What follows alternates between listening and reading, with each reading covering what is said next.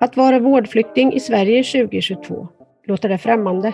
Det är en verklighet man lever när man har en sällsynt sjukdom som cystisk fibros och inte har tillgång till de nyaste särläkemedlen som kan förändra ens liv. Ett liv som gör en mindre sjuk och en framtid som vem som helst. Du lyssnar på podden Osynligt sjuk och jag heter Petra.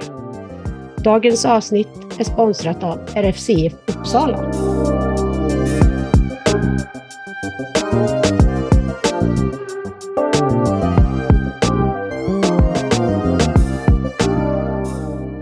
Hej Myra Blank och välkommen till podden. Tack. Jag tänkte att du skulle få berätta precis hur du gick tillväga när du flyttade till Danmark för att få Kaftrio och hur det har gått för dig.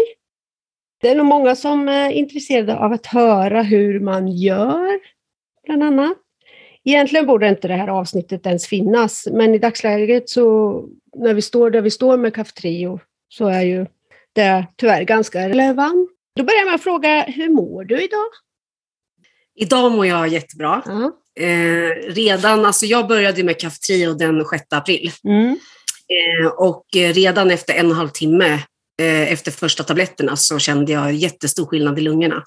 Jag kunde andas med lätthet och jag kände inte den här ansträngda känslan som jag hade i lungorna innan. Eh, och jag har inte haft en enda hostattack sedan den dagen. Nej. Och eh, ja, men det är väldigt stor skillnad. Jag har liksom inga begränsningar längre i vardagen. Nej. Och eh, jag har en förutsägbarhet hur jag ska må när jag vaknar. Förut var det som ett lotteri. Och nu är det att man vet att man kommer må bra när man vaknar. Och jag känner inget behov av inhalationer Nej. och andningsgympa, utan det är liksom, jag kan andas lätt i alla fall. Så att eh, det är ju en jättestor skillnad på väldigt kort tid. Ja, precis. Så. Och som sagt, du har ju fått det här tack vare att du flyttade till eh, Danmark. Kaftrio. Mm.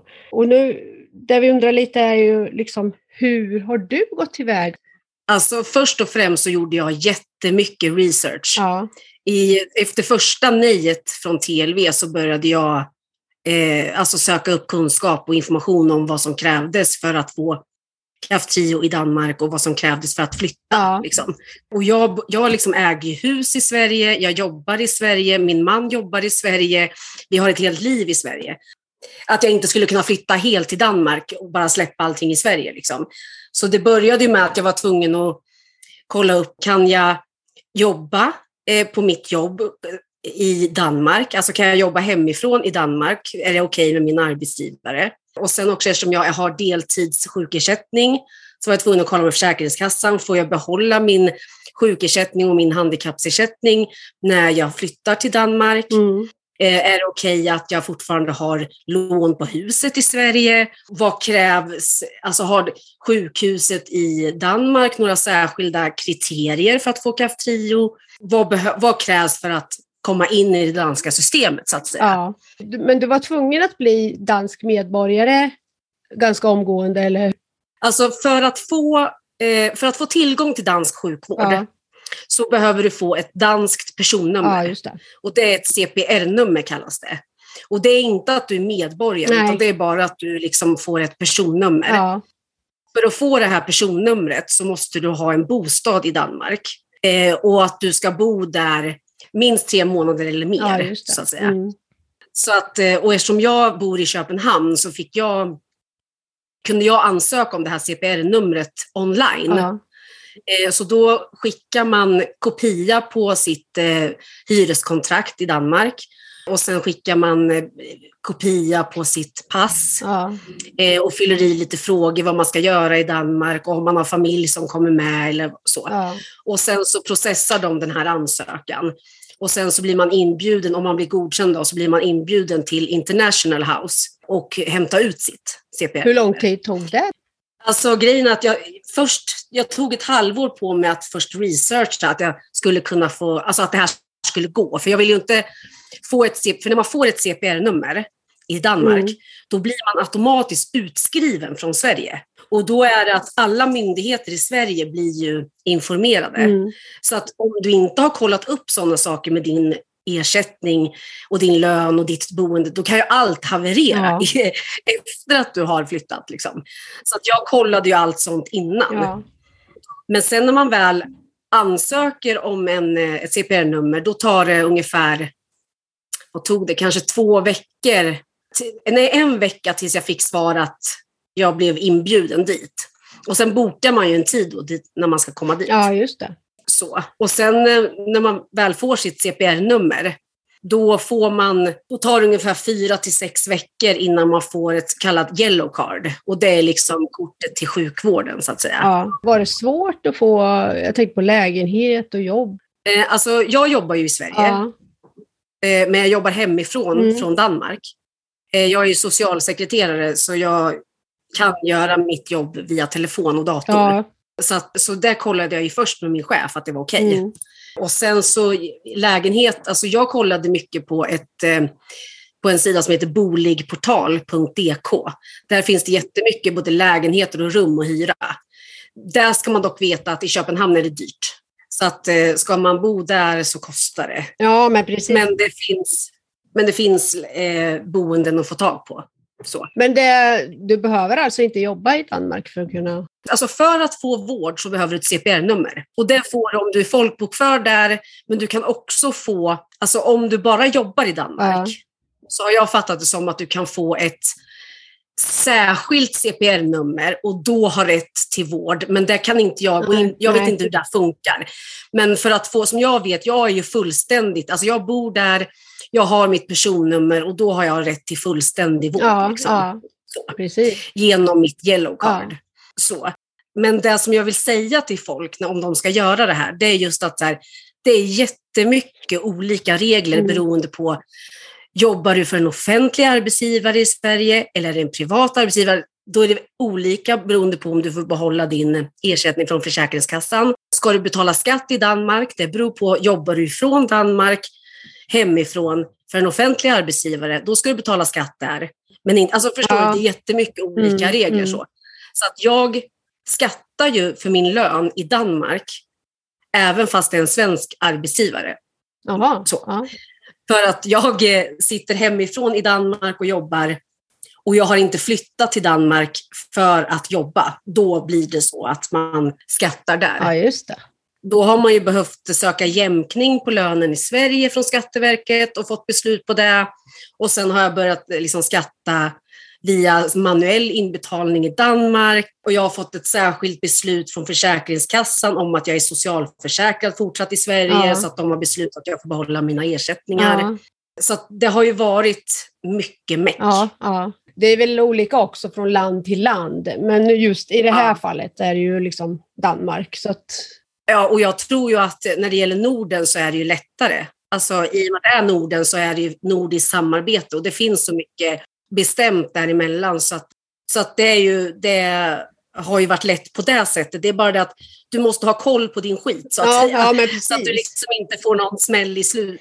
Så att du inte sitter där sen och har flyttat och bara oj, jag förlorade handikappsersättningen, oj, jag förlorade sjukersättningen, oj, jobbet sa nej. Alltså, Ja, skicka in din ansökan om vart du ska vara socialförsäkrad innan. Har man en dialog med dem, då är det lugnt. precis. Men de har full koll. Liksom när du Ja, ja. ringer och säger jag ska flytta till Danmark och jag har si så i ersättningar. Var det lätt? Nej, alltså jag hade koll, för jag sökte ju upp liksom vad gäller. Ja, men det är det jag menar. Man ska inte vara trygg med att tro att de kan det här, utan allt får man fixa själv.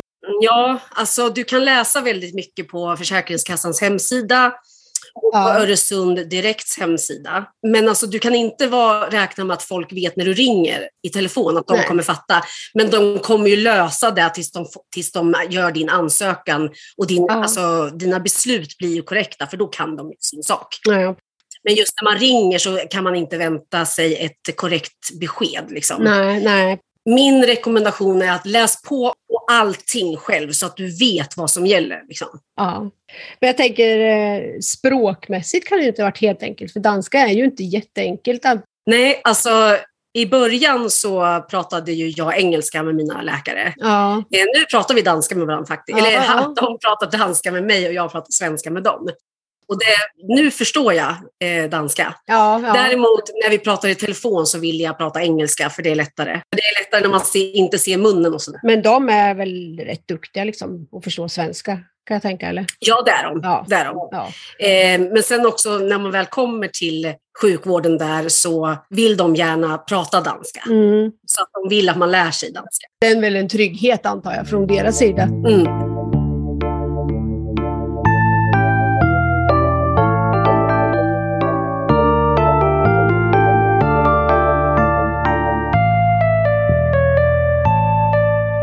Du har ju sökt väldigt mycket. Hur har du Mm. gått tillväga annars för att få tag på alla kontakter? Vilken ordning du ska göra allt? Det första jag gjorde innan jag började kolla om jag skulle flytta eller inte, det var ju att jag först så kontaktade jag en tjej i Danmark som har CF Ja. eh, via Instagram för att höra med henne så här, har du fått Kaftrio? Vad krävdes för att få Kaftrio? Liksom, vad, vad är det som gäller i Danmark? Har ni några krav på att man måste ha en viss lungfunktion eller så vidare? Mm. Liksom, du vet, Mm. Man vet ju inte alls. Liksom. Och de har, då fick jag ju veta att de ger Kaftrio till alla. Men att man måste gå igenom ett eh, förundersökningsprotokoll liksom, Mm. innan man får det. Ja, det. Så att det var liksom mitt första steg, att verkligen kolla upp så här, okej, eh, vad gäller där? Ja. Sen när jag hade pratat med henne, då ringde jag till CF-mottagning på Rikshospitalet och bara kollade med dem att om jag flyttar till Danmark och jag har fått mitt CPR-nummer, får jag vård hos er då och får jag Kaftrio? Och då sa de ja. Mm.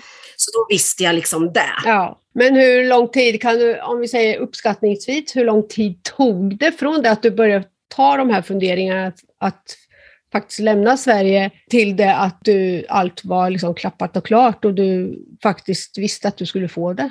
Om man säger så här, jag hade ju som sagt läst på ungefär ett halvår. Mm. Men de, alltså alla egentligen så här faktiska steg, det tog typ en vecka. För efter andra nejet, 27 januari var det, fick vi nej. Och alltså första februari så hade jag skrivit på kontraktet. Ja. Ja.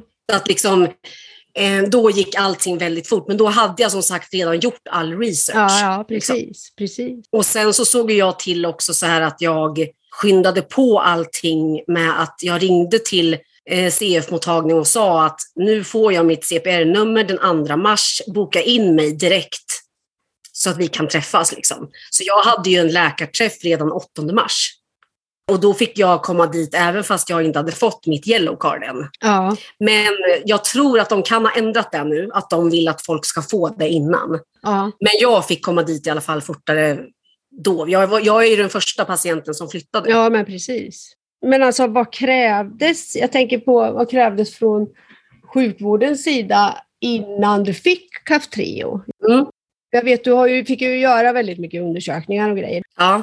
Alltså, det jag fick göra det är ju som sagt att alla som ska få Kaftrio i Danmark går igenom ett förundersökningsprotokoll.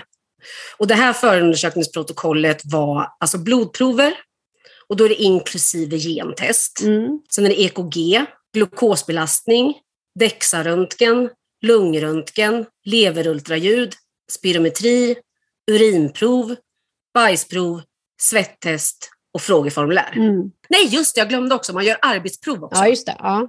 De ville liksom säkerställa att du hade verkligen CF. Ja, och sen de, det duger inte att komma dit med journaler Nej. från en årsuppföljning i Sverige, utan de vill göra sina tester, även gentestet. Ja. De vill ha allting på sitt sätt. Och att man ska och liksom göra enligt deras provsystem så att allting Ja. blir korrekt sen på årsuppföljningen. Liksom. Och det här är jätteviktigt för dem för att de har ju det här för att visa sina politiker att det här är ju skitbra medicin, Ja. vi måste fortsätta betala för den.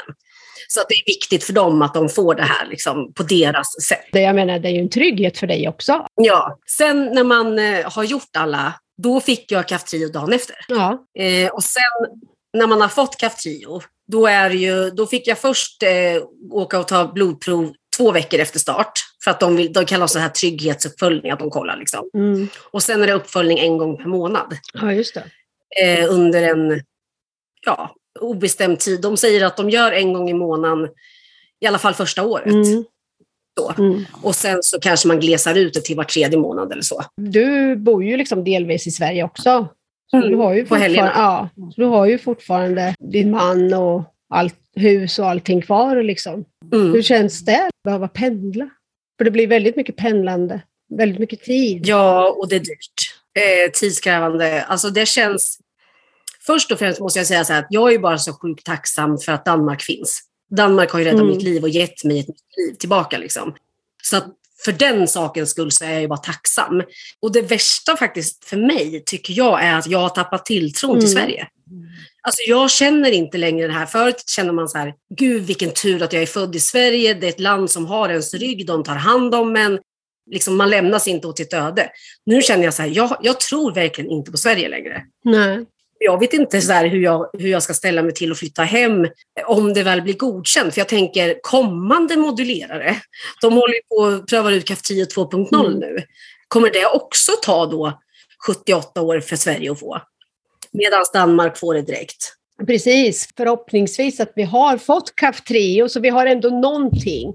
Men det är ju klart, man undrar ju hur ska det, liksom, ska det fortsätta så här? Ska Sverige aldrig vilja börja med de här nya läkemedlen? Ja, och sen är man lite orolig, så här, vad kommer vet det, NT-rådet komma med för rekommendationer? Ska det vara några konstiga rekommendationer på, Mm. förstår du, förskrivningen? Eller liksom, det känns som att så här, i Danmark är man trygg med att liksom alla får det.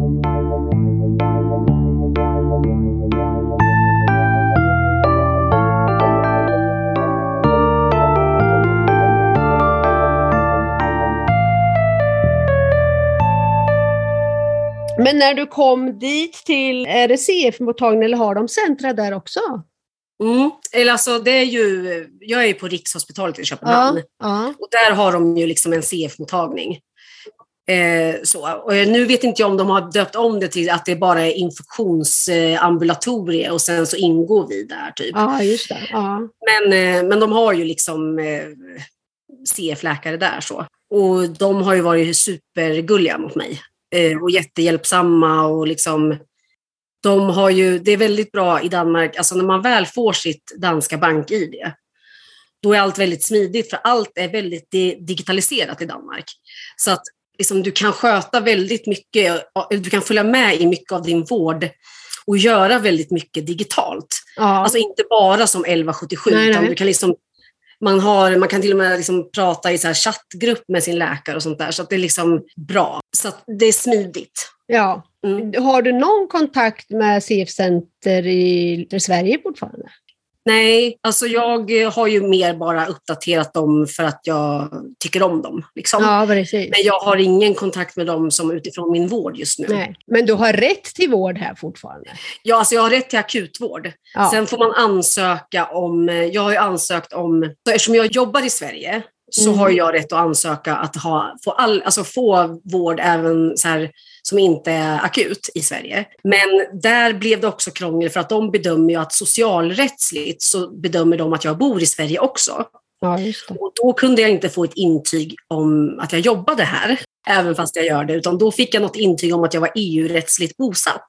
Ja, okej. Därför ska jag kunna få vård. Men det gäller bara i två månader. Jaha. Så då måste man söka om och Försäkringskassan har minst en månads handläggningstid. Så att jag, eh, Då får man ju inte göra annat än sitta med det. nej, så jag tänker att jag kommer ansöka om det lagom tills det ska bli hemflytt. Ja, så kommer precis. jag ansöka om det så att vården kan överlappa innan Ja. jag flyttar hem. Liksom, så att jag vet att jag har Kaftrio i Sverige också innan jag flyttar. Liksom. Precis, ja, så det inte blir ett glapp dem emellan där. Nej. Man måste väl säkerställa sen när, när det blir här i Sverige att man får det också. Att man, som du säger, att man får det i direkt anslutning till det man har haft. Mm. I och med att det har så bra effekt blir det ju lite väl vanskligt om det skulle bli... Nu vet man ju för sig inte hur det är, hur länge man har en effekt om man skulle sluta.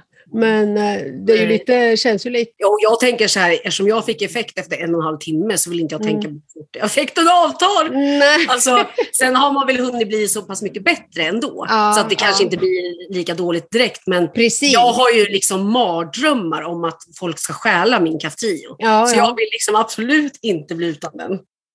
Har du några liksom råd till eh, andra som har tankar på att flytta utomlands för att få Kaftrio? Det är bara alltså kolla upp, Mm. kolla upp, kolla upp. Läs på. Vad gäller för din situation? Alltså, ska du flytta totalt från Sverige? Ska du ha dubbelt boende? Vart ska du jobba? Alltså säkra din inkomst. Ja, säkra liksom det som gör att du liksom, och säkra sjukvården och inkomsten är väl där du måste säkra upp innan du flyttar. Liksom. Men har du förlorat mycket inkomst i samband med det här eller är det ungefär samma Nej. som du hade innan? Ja, alltså all ersättning och all lön jag hade innan har jag fortfarande. Däremot så är det ju dyrare. För eh, det, dels högkostnadsskyddet i Danmark är dyrare än i Sverige. Mm. Så man betalar ungefär 5 500 svenska kronor eh, per år för medicin. Eh, och sen så, men då är all sjukvård istället gratis. Ja, okej. Ja. Men själva liksom, medicinen är ju dyrare. Och, sen i Danmark så måste läkaren se till att ansöka om någonting som heter tillskud. Det är liksom ingen så generellt högkostnadsskydd för alla, utan de måste ansöka. Varje medicin så måste de ansöka att du ska få tillskud för. Och det hade vi missat i början, så jag har betalat ytterligare utöver 5 och 5 för att vi hade missat det. Men det kan man få tillbaka sen. Så, ja, just det. så att man har koll på lite så här att det är ju annorlunda. Ja. Att det kommer kosta mer. De måste ansöka om tillskud, att man har koll på det. Och, och också tips till folk som ska flytta, bunkra medicin innan. Så att du har för ett tag framöver innan allt kommer igång. Liksom. Ja. ja, för sen kommer man ju lite i nästan som ett ingenmansland. Som, Mm. Likadant som vi pratade om nyss, tillbaka till Sverige, liksom, att det kan bli ett glapp annars. Men precis. Och sen är det väl så i och för sig, som vi sa också tidigt, att det skiljer sig ju från land till land. Så det är Mm. väl det att man måste vara noga med att verkligen kolla vad som gäller. Ja. pratar ju väldigt mycket om i början om hur bra du mår. Mm. Hur skulle du vilja säga att du ser på din framtid? Eh, ljus. Mm. Eh, att man, jag känner ju att jag har liksom fått ett liv tillbaka som inte handlar om cystisk fibros. Som inte handlar om att jag hela tiden måste planera utifrån den sjukdomen. Eh, jag kan göra nu, jag, känner, jag kan göra vad jag vill. Du kan planera. Ja, nej men exakt, nej. Ja, och förut kunde man ju inte ens det här, ja men vi gör det här på lördag. För jag visste inte hur jag skulle må på lördag. Jag skulle kunna vakna och må skit den dagen. Liksom. Nu kan man veta att, så här, att ja men nu gör vi det här. Liksom. Ja. Så länge är det inte så att jag åker på någon förkylning eller influensa så kommer jag må bra. Men nu är det ju mer att det här att man blir inte sjuk hela tiden. Exakt. Nej, och det, här, det är inte det här upp och ner. Jag, för just det här, man kunde ha en bra dag förut. Och sen när man vaknar så mådde man pyton. Och nu är det liksom bara så här, man mår bra. Och liksom allting är så här jämnt och stabilt. Och, liksom, och bara så att kunna gå ut på en långpromenad med hundarna utan att behöva inhalera innan. Ja, ja, ja. Och inte hosta lungorna ur sig när man kommer tillbaka eller under tiden. Nej, nej. Du gör inga inhalationer alls? Jo, jo, alltså jag gör det för att man ska. Ja, precis. Så jag gör ju liksom morgon och kväll. Men inga andningsgymnastik eller så? Jo, det gör jag också efteråt för att man ska. Men det tar ju liksom så här, förut kanske jag satt två timmar, nu sitter jag en kvart på morgonen och en kvart på kvällen. Och ingen hosta eller någonting efteråt, utan jag bara gör och sen är jag klar. Ja, och så blir det ju automatiskt att man med mer energi så rör du det mera, mer automatiskt än vad man kanske gjorde innan. För de här Verkligen. två timmarna man har suttit så är man ju helt slut sen. Men nu, direkt när du har gjort din andnings, korta andningsgymnastik, ja men då kan du gå ut och göra vad du vill. Du kan Exakt. motionera, du kan, eller vad Ja. som helst. Och förut, innan Kaftrio, så hade jag jättejobbigt. Alltså när jag hade ätit så fick jag jättemycket hosta och så här ansträngd andning. Liksom. Mm. Och nu kan jag liksom bara äta och sen gå direkt och städa eller göra något annat. Ja. Och inte känna att jag har några problem. Det är det som är så stor skillnad. Att liksom, det är, alltså jag känner mig frisk. Ja, ja. Alltså det överträffade alla mina förväntningar. Jag hade höga förväntningar på Kaftrio, men det överträffade ändå mina förväntningar. Ja. ja, för man vet ju aldrig hur man själv svarar på det. Liksom. Nej. För det finns ju faktiskt de som har fått avsluta Ja, Kaftrio och så på grund av olika orsaker. Så man vet ju Ja. aldrig hur man själv kommer att svara. nej, och man läste ju en del om biverkningar innan, men alltså jag har haft tur. Jag har inte fått en enda biverkning. Eh, jag, jag är så tacksam för det. Ja, Det är liksom ingenting som har... eh, Nej, nej. allt har gått väldigt smidigt. Så det, det är ändå skönt. Jag flyttade till Danmark. Det var krångligt, men sen blev det väl smidigt och lätt när jag fick medicinen. Det har ju varit värt det, besväret. Ja, och jag ser ju fram emot när man har gått på det längre så att man kan börja glesa ut alla undersökningar. Liksom. Ja, precis. Jag vill tacka dig Myra för att du ställde upp Tack. och berättade. Och jag vill bara säga att jag tycker det är väldigt modigt och lycka till med allting. Tack. Jag vill även tacka dig som har lyssnat.